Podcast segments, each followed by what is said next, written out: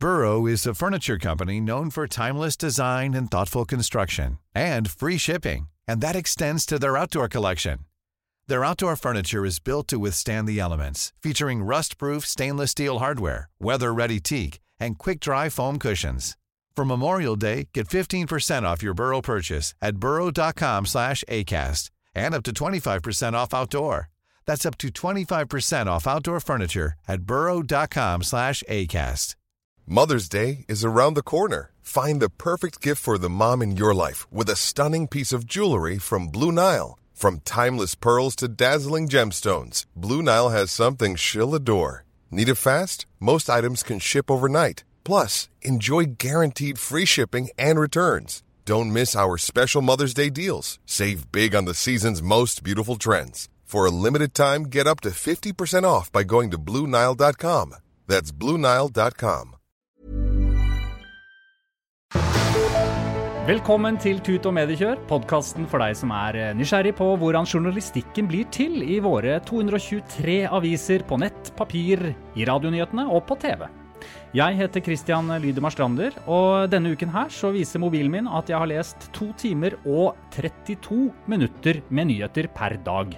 Det er en nedgang på 13 eh, Og denne uken her så lurer jeg på følgende. Hvordan kan en avis omtale personer over flere sider uten å ha snakket med dem? Og som alltid i eh, Tut og mediekjør så har jeg med meg eh, Eva Sandum. Hei, Eva. Hei, hei. Du er eh, kommunikasjonsrådgiver. Ja da. Har sittet i PFU i 14 år. Yep. Og bare sånn denne uken her, hva slags nyheter leser du? Hvilke kanaler bruker du? Du, denne uka her så har jeg egentlig blitt servert nyhetene mest gjennom podkaster. Fordi Ja. jeg har vært litt off limits eh, og litt eh, med dårlig nett og sånn. eh, Vært bortreist. Så jeg har eh, prøvd å holde meg unna nettet. eh, Men jeg har hørt på en del podkaster. Okay. Det er egentlig blitt en stor nyhetskilde for meg, sånn generelt, podkaster. Ja. Sånne daglige oppdateringer fra mediehusene. Bra. Og velkommen også Svein Tore Bergestuen. Takk for det. Også kommunikasjonsrådgiver. Ja. Fortsatt forfatter, eller hvordan går det yrket? Jo, det, nå er det mye av det. Ja. Mm. Oi, spennende. Skal levere manus nå om 14 dager. Ok. Vi går ikke inn på her hva slags manus. Det tar vi jo Nei, det er hemmelig. Eh, men eh, hva slags nyheter leser du i løpet av denne uken her? Nei, det er klart det blir Financial Times, New York Times, Economist, Frankfurter Allgemeine Zeitung og sånne ting, da. Ta godt imot standup-komiker Svein Tore Bergestad. Nei, altså Nei, jeg leser jo stort sett norske nettaviser. Og så leser jeg Dagens Næringsliv og Morgenbladet i helgen, hvis jeg får tid. Også sånne journalist- og medienettsteder, da, som Medier24 og Kampanje og sånne litt nerdete ting. Ja. Ok, skal vi gå på første sak? Ja. Det er jo Durek og Martha. Ja. Fordi eh, jeg leste jo Dagbladet denne uken her, og da er det altså en stor eh, fors- overskrift, altså det er forsiden på Dagbladet, hvor det står 'Ett år med Durek', stort bilde, og så står det da punktene 'kjærligheten', 'skandalen', 'familien'. Tre sider. Og så leser jeg den eh, saken, og helt på slutten av den saken så står det 'Durek har ikke besvart Dagbladets henvendelser til denne saken'. Prinsesse Märtha Louises manager Karina Schelle Karlsen opplyser at prinsessen ikke ønsker å bidra med noen kommentarer. Da har altså Dagbladet laget en tresiders intervju, og jeg, jeg opplever det som at de har intervjuet disse to. Men de har jo ikke snakket med dem i det hele tatt. Og da lurer jeg på, er det greit? Svein Tore? Um, herlig ledende spørsmål. Er det greit? Vi Ja, skal komme sant? tilbake til Hva tror tror du med litt sånn den hissige, litt sånn Er det greit? ja, Vi skal komme tilbake til hvordan journalister stiller spørsmål i Ja. en annen episode. Ja, veldig gjerne. Nei, men først eh, til premisset ditt. eh, om de later som de har snakket med dem. Altså, Ja. Det er jo det du insinuerer, at, at, de, at leserne kanskje ikke helt forstår. I hvert fall du stiller spørsmål ved det, om, om det er et intervju eller ikke. Eh, det kan jo godt hende noen tenker det, og tror det, og blir lurt. Ja, og det ja, det er lurt. Ja, eh, og det andre spørsmålet er om, eh, om det er greit å lage en så stor eh, reportasje, en så stor oppslag, forside, tre sider, uten å snakke med dem. Og svaret på det, det, det litt kjedelige svaret, er jo ja, det kan pressen gjøre. For pressen kan lage de sakene de har lyst til, så lenge de følger pressens etiske regelverk. Og her handler det om et, off, et svært offentlig eh, par. De intervjuer sine kilder om dette paret, altså kongehuseksperter og whatnot. Og så bruker de kanskje sitater som er gitt tidligere i løpet av dette året de skal beskrive. Eh, som jo går på sitatretten, og det kan, vi komme tilbake til eh, etterpå. Men, men alt i alt, ja, de kan lage denne reportasjen, eh, selv om de ikke har snakket med dem.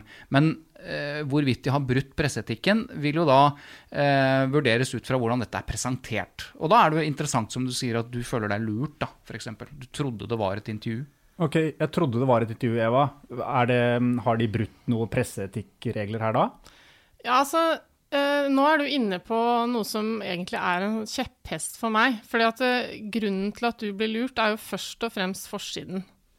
Ja. Fordi den presenteres uh, i papirutgaven da, spesielt som, som, et intervju. Fordi du ser et kjærestepar som kikker i kamera, og det er ingenting i teksten på den forsiden som, som antyder at det er en sak om noen, og ikke med noen.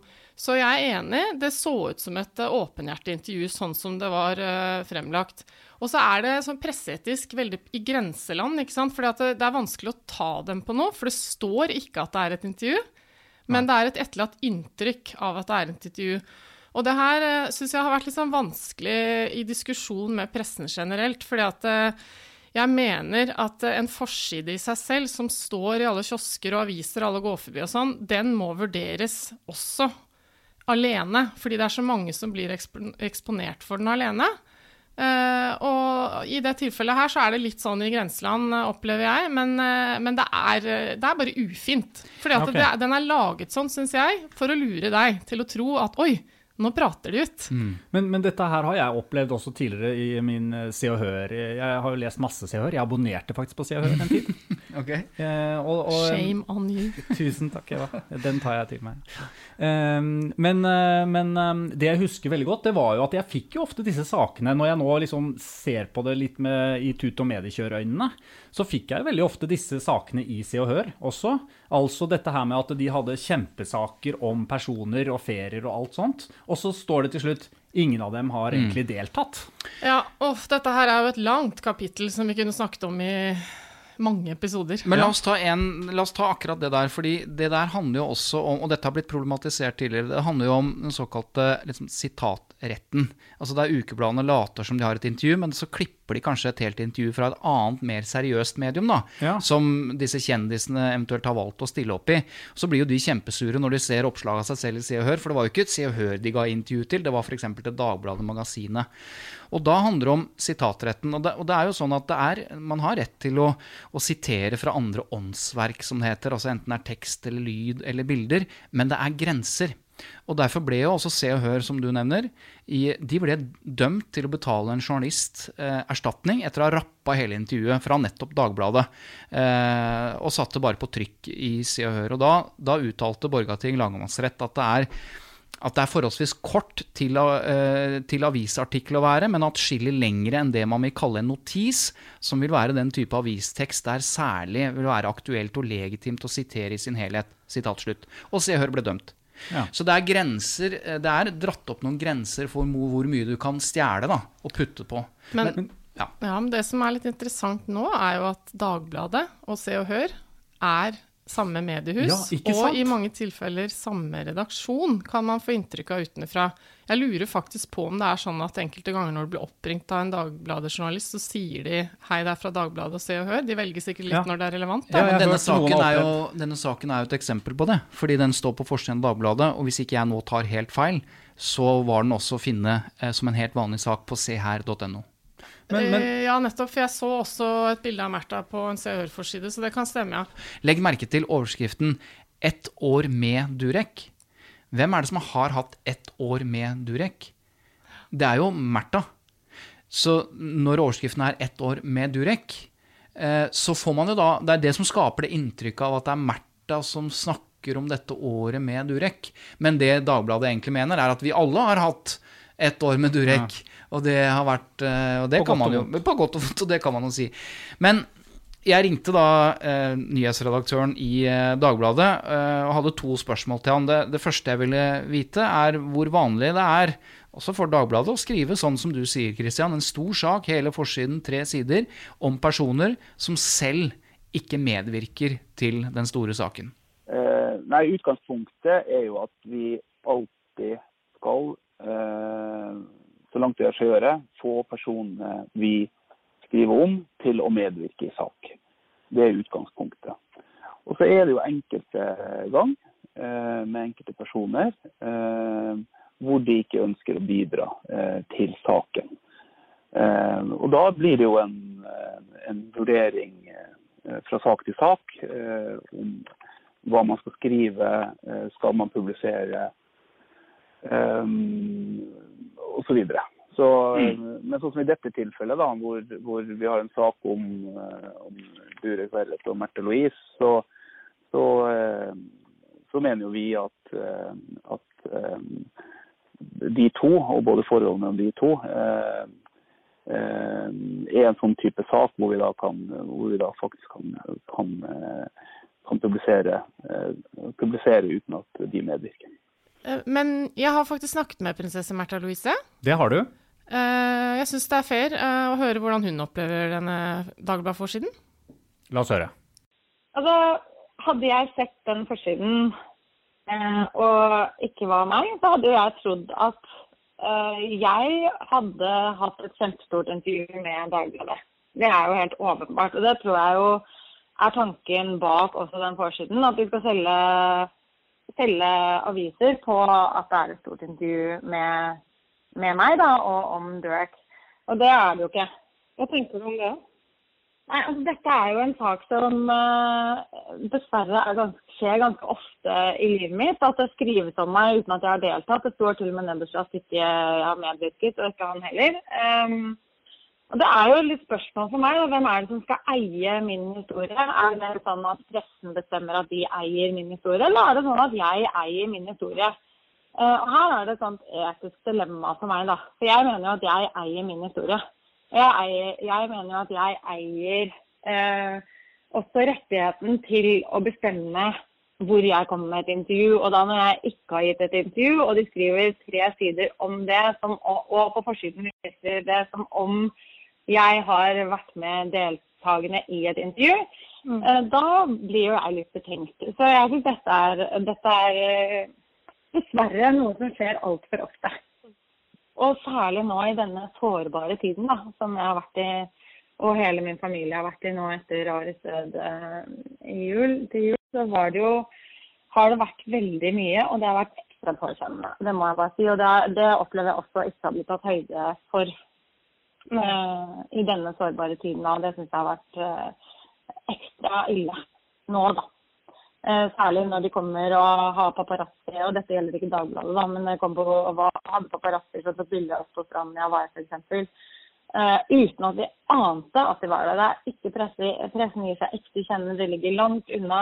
Aner ikke hvor de var, uh, hvem som tok bildene. Uh, og så kommer det liksom mange sider derfra.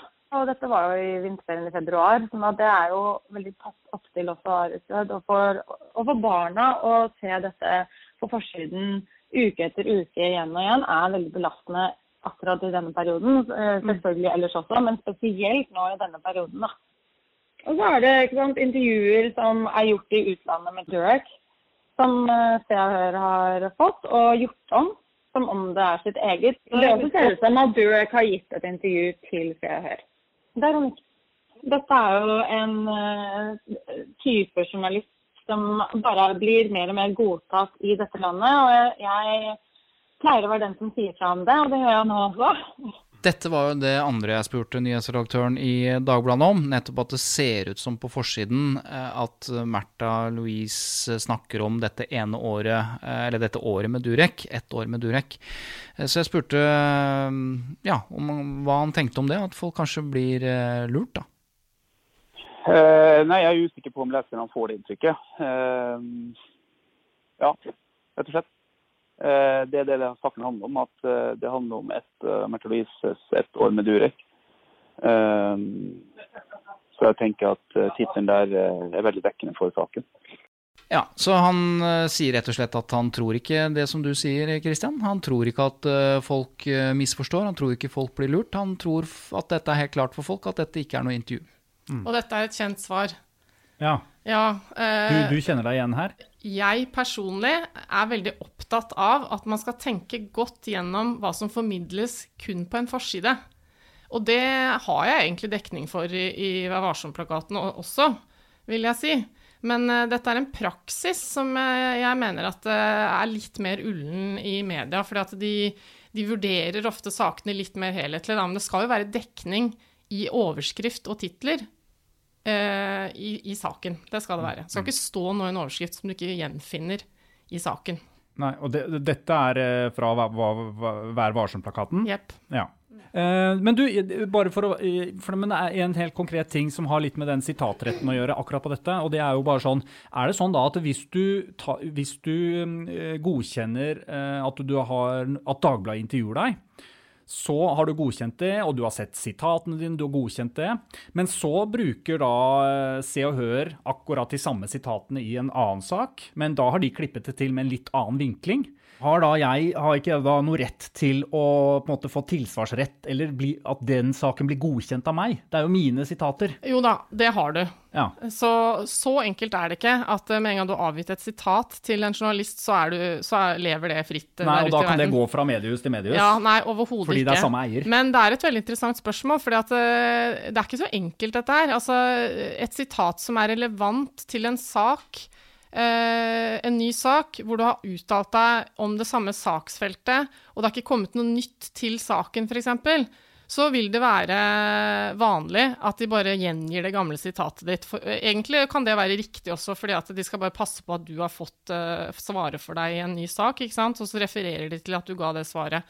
Men, eh, men, dette her med å, å, ta et sitat og bare kjøre det inn i et nytt medie og sånn, det er overhodet ikke greit. Men eh, jeg sier det med veldig sikkerhet nå. Men jeg, det er ikke sånn at eh, alle medier eh, behandler det på den måten. Altså, det gjøres ganske mye.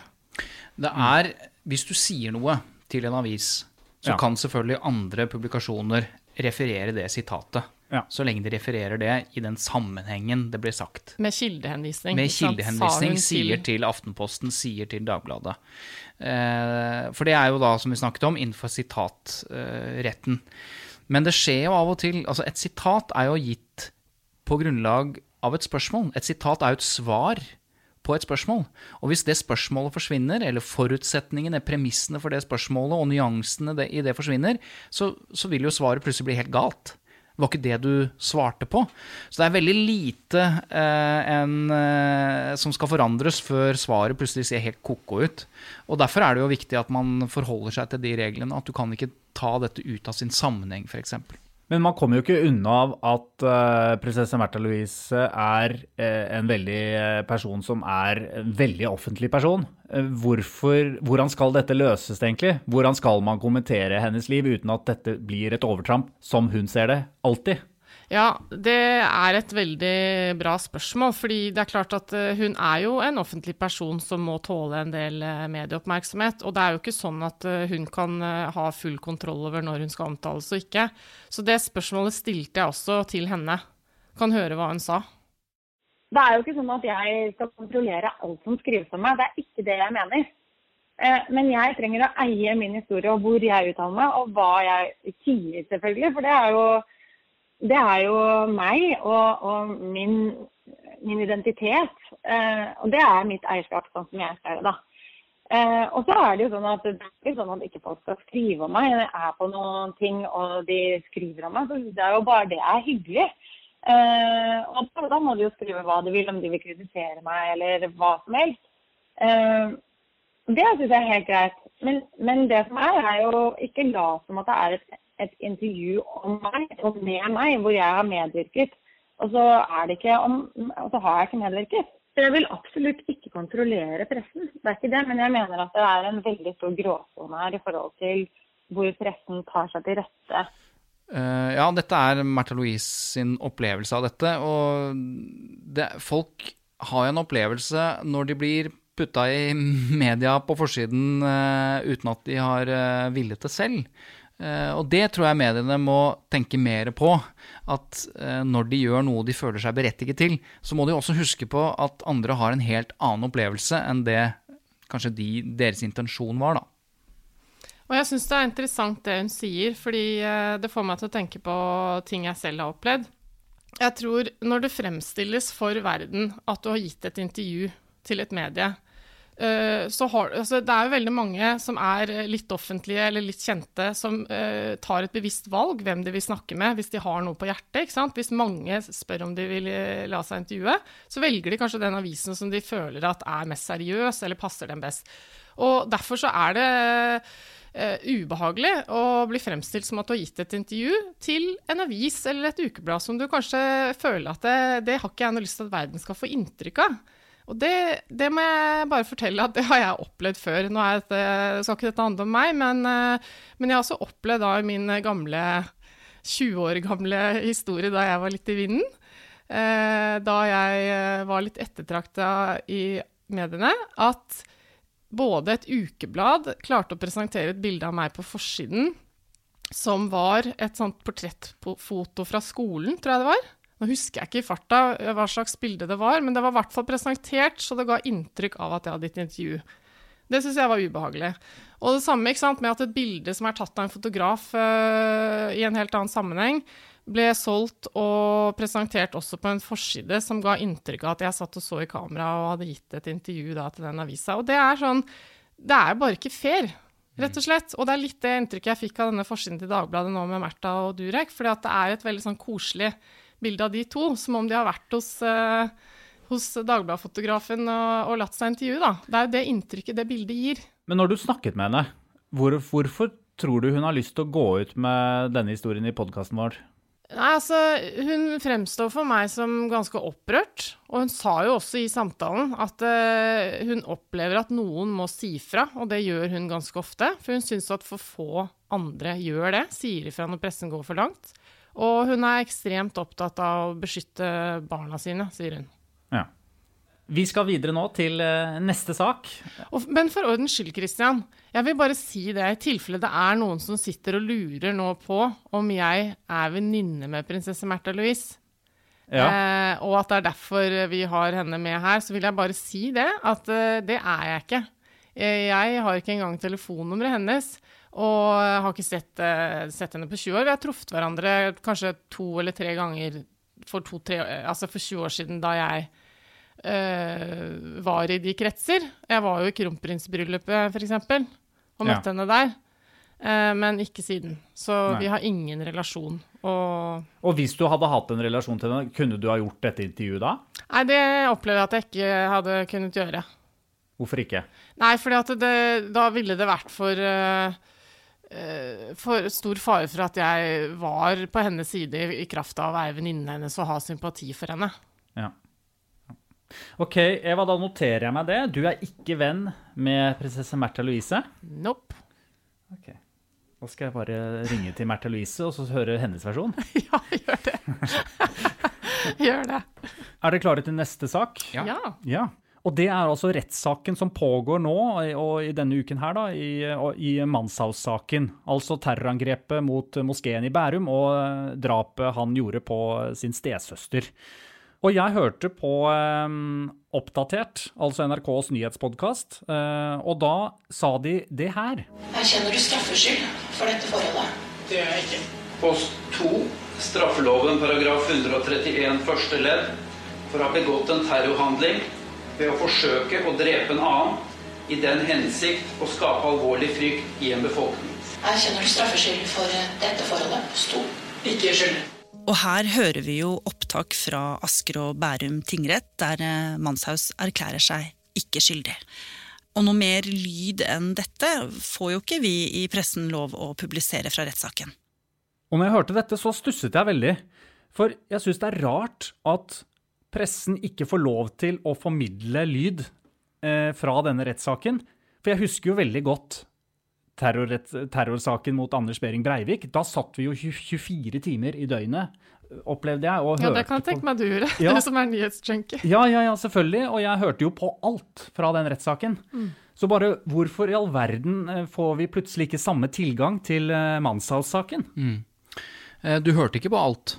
Fordi alt ble ikke sendt, heller i den rettssaken. Mot Anders Behring Breivik? Riktig. Nei, nei han, de gikk jo ned på lyd innimellom. Ikke bare det, men det var flere av vitneutsagnene som aldri ble sendt. Ja, ikke sant. Sånn at, ja. Og det er fordi det gjøres en vurdering fra retten. Eller sagt på en annen måte, det er retten som bestemmer om du skal høre litt eller mye eller ingenting. For i utgangspunktet så er det sånn at det er forbudt. Det er regelen. Å formidle noe som helst fra norske rettssaler? Ikke formidle noe, men det å få lyd og bilde, videooverføring direkte fra norske rettssaker, eller hovedforhandlingene som vi kaller det, det er forbudt. Hvorfor er det forbudt? Nei, det handler jo om eh, personvern. Det handler om eh, at du kan være til stede, men det skal ikke kringkastes. Det... Tenk deg hvis du skulle være vitne i en sak hvor ekstra belastende det hadde vært hvis du visste at jeg kunne havne på 21-nyhetene på kvelden, så alle kunne se hva du satt og sa. Men tenk om politiet gjør en forferdelig dårlig jobb? Ja, ja. men derfor er vi til stede. Vi må skille mellom Ja, ok. Ja, For må... pressen får lov til å være til stede? Ja, ikke bare pressen, men jo, ja, ja, rettssakene er åpne, ikke sant? Og det er et veldig viktig liksom, grunnlovsfestet prinsipp. Nå er jeg litt usikker på om det er grunnlovsfestet, det er i hvert fall festet i loven. Det er festet. Kan vi ikke bare si at det er festet? Jo, men ikke sant, tilstedeværelsen uh, som uh, er, er, kjempeviktig. Men, men, det er noe helt nytt, for så vidt, at uh, det har blitt, blitt, kringkastet. Og det er fordi det i utgangspunktet er forbudt. Men så kan det søkes om det. Og i noen helt spesielle saker som jo disse sakene er, så kan retten bestemme at noe skal overføres. Så ble det i Anders Behring Breivik-rettssaken overført mye. Ikke alt, men mye. Og i denne saken bare litt. Og det er da eh, retten som bestemmer. Men, eh, ja. altså, hvilke kriterier legger retten til grunn da, for at, for at nå mannshavssaken er eh, egentlig nå Den er jo eh, lukket, faktisk. Mm. Lukket. Og det er det mange som er litt sure for nå i pressen. Ja, ja men nå, nå, må vi, nå, må vi, ikke surre det til igjen. Nei for, all ikke. nei, for det er forskjell på å kringkaste lyd og eventuelt bilde fra en rettssak. Det er altså i utgangspunktet ikke lov, men det kan bli lov hvis man søker om det, og retten finner det godt begrunnet, eller at det er en sak som, som har en så stor interesse, da, som disse to sakene vi snakker om. Og så er det det å lukke eh, rettens dører. Da lukker man jo for både pressen og tilhørere, så da har du ikke muligheten til å se hva som foregår, eller høre hva som foregår. Eh, og dette reagerer Redaktørforeningen og norske redaktører veldig sterkt på. Vi skal høre eh, leder for Norsk redaktørforening, Arne Jensen, eh, fortelle hvorfor dette er så alvorlig. Offentlighet i, i rettspleien og i rettssaker er et grunnlovfestet prinsipp i Norge. og Det er et rettssikkerhetsprinsipp. og det er et prinsipp som skal sikre at eh, allmennheten får, eh, får visshet om at eh, skyldige blir dømt og uskyldige går fri, og at rettsapparatet fungerer sånn som det skal. Derfor skal det veldig sterke grunner til å lukke dørene i norske rettssaler.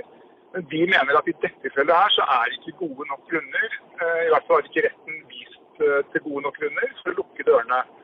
Eh, det at vitner opplever det som ubehagelig at det er tilhørere og tilskuere til deres vitnemål, det vil skje i mange mange saker.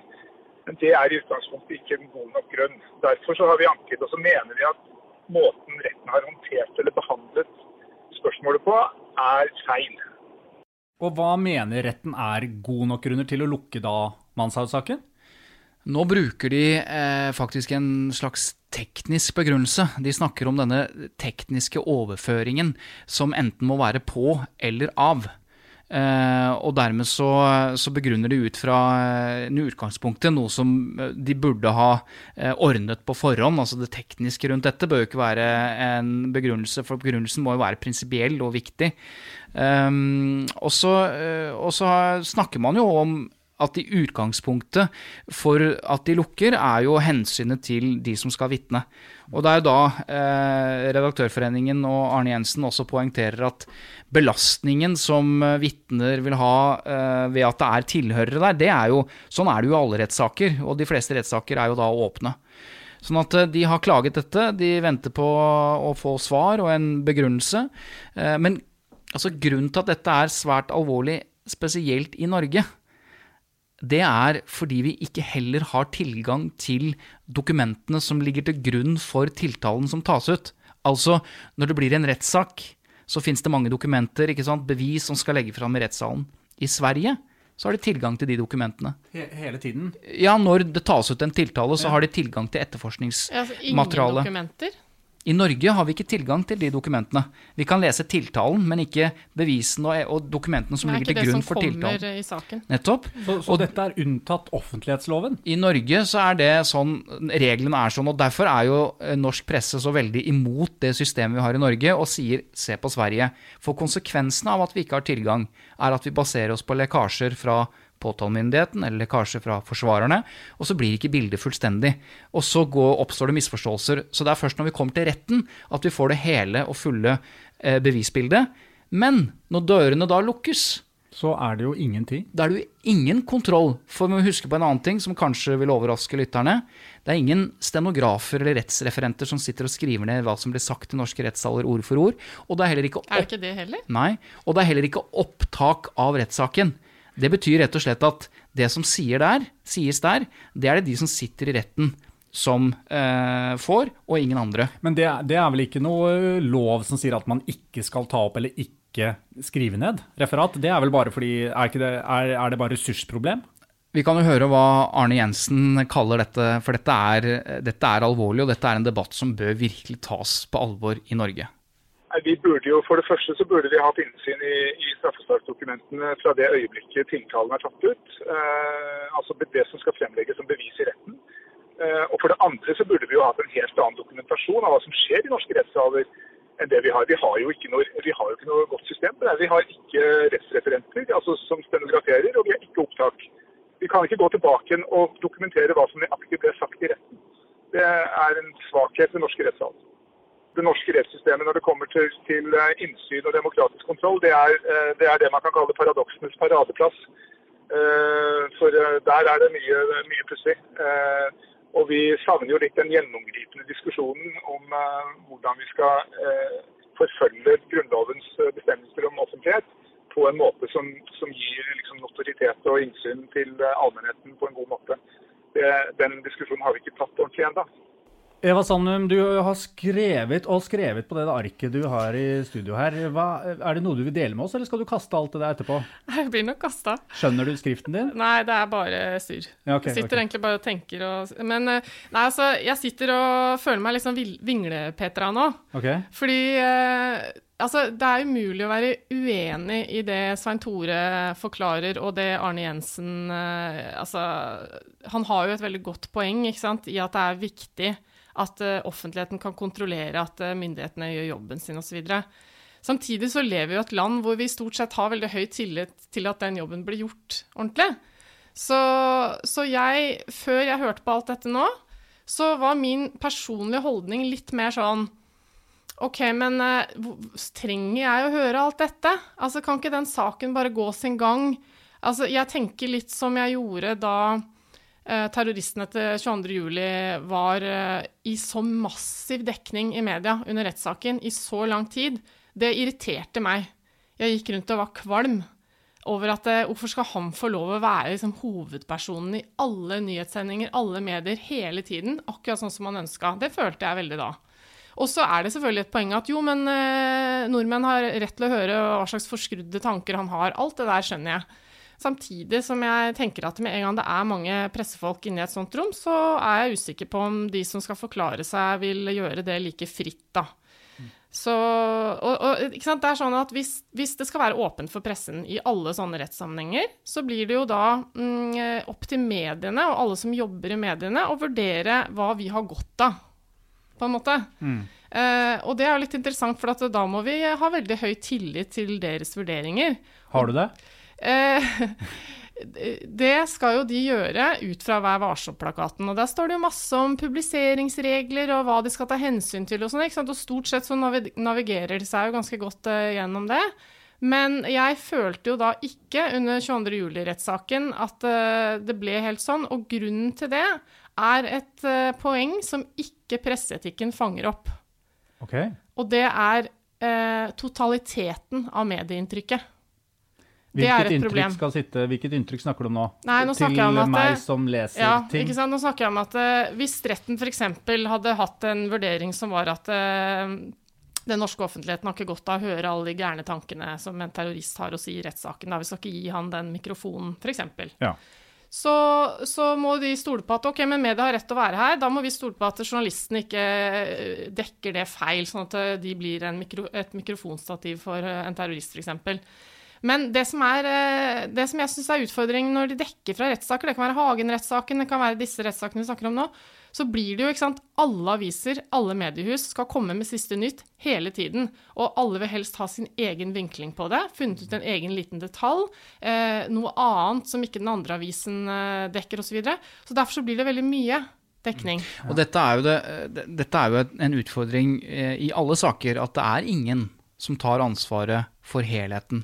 Verken den helheten vi presenteres for, eller det totale medietrykket som hver enkelt person opplever du nevnte Hagen-saken, eh, Tangen-saken, eller alle saker som har en hovedperson. Så kan man si at vi forholder oss til pressens regler eh, hver enkelt redaksjon, men det totale medietrykket, som har vært gjenstand for masse diskusjon i pressen etter Tore Tønne-saken, en statsråd, tidligere statsråd som tok livet av seg etter et høyt medietrykk Vi prøver, å, eller Pressen prøver å finne ut av dette, men dette totale trykket, enten det går mot enkeltpersoner eller oss mot som mediekonsumenter, det er det ingen som på en måte har funnet ut av og kan ta ansvaret for. Jeg vil uh, gå så langt som til å si at det er presseetikkens største utfordring. Mm. Ja. Men hvis vi skal oppsummere og ta utgangspunkt i det vi nå snakker om, så vil jeg si at eh, jeg skjønner eh, Evas innvendinger, men det er sånn som det alltid er eh, når man må ha tilgang til informasjon for å vurdere sannhetsgehalten eller, eller kontrollere makta, så må vi ha tilgang. Og så er det pressens oppgave å porsjonere ut og presentere dette på en måte som er i tråd med, med, med presseetikken. Men husk på, det største problemet, mener jeg, er ikke de rettssakene som alle dekker. I'm Sandra, and I'm just the professional your small business was looking for. But you didn't hire me because you didn't use LinkedIn jobs. LinkedIn has professionals you can't find anywhere else, including those who aren't actively looking for a new job but might be open to the perfect role, like me. In a given month, over 70% of LinkedIn users don't visit other leading job sites. So if you're not looking on LinkedIn, you'll miss out on great candidates like Sandra. Start hiring professionals like a professional. Post your free job on linkedin.com slash people today. Millions of people have lost weight with personalized plans from Noom. Like Evan, who can't stand salads and still lost 50 pounds. Salads generally for most people are the easy button, right? For me, that wasn't an option. I never really was a salad guy. That's just not who I am. But Noom worked for me. Get your personalized plan today at Noom.com. Real Noom user compensated to provide their story. In four weeks, the typical Noom user can expect to lose one to two pounds per week. Individual results may vary. Det største problemet er de rettssakene som ingen journalister har interesse for. For de store ordene som brukes av pressen når man snakker om at vi må, vi må kontrollere og se og ettergå og sørge for at, eh, sant, at, at det er innsyn og at vi ser eh, rett, eh, rettsapparatet i kortene. Ja, men vi gjør jo ikke det i de aller fleste sakene. Tenk på hvor mange saker, de små sakene, hvor det finnes masse feil i etterforskning, i, i domstolene, som ikke ettergås. fordi klart, de er lukket?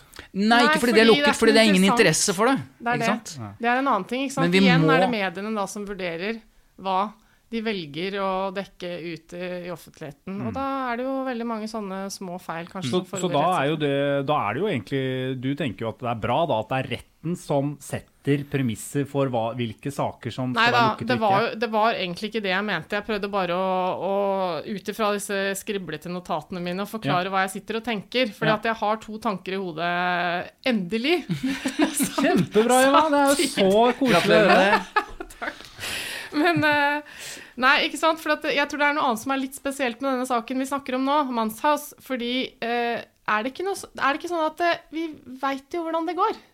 Altså, han er jo skyldig.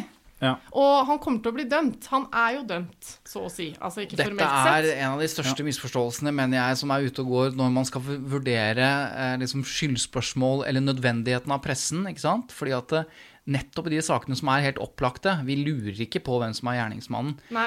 så er det, det er veldig mange andre ting som er ekstremt viktig ja, å kontrollere og ettergå enn mm. Enn skyldspørsmålet alltid, ikke sant? Ja da. Sånn at um, jeg er Her er jeg veldig, veldig på sånn uh, min høye Hest. Nei. Så, sånn som alle andre Nei, men jeg vil gjerne liksom stå skulder ved skulder med, med redaktørene i deres kamp for åpenhet knyttet til uh, strafferett og rettspleie og domstoler, fordi det er så ekstremt viktig at vi har innsyn og tilgang. Og det norske systemet i dag, det er rett og slett dass, altså. Eva Sandum vi, og Svein Tore Bergestuen, vi må stoppe her. Vi har ikke mer tid. Eh, Så tusen takk. Eh, Nok en episode av Tut og mediekjør er over. Eh, Husk, du som hører på, å abonnere på oss. Og vi er veldig veldig glad for at du hører på eh, våre episoder.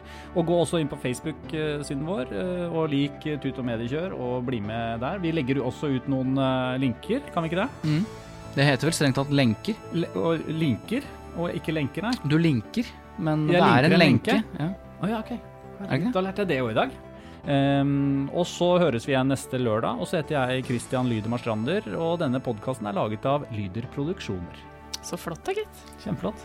Bra.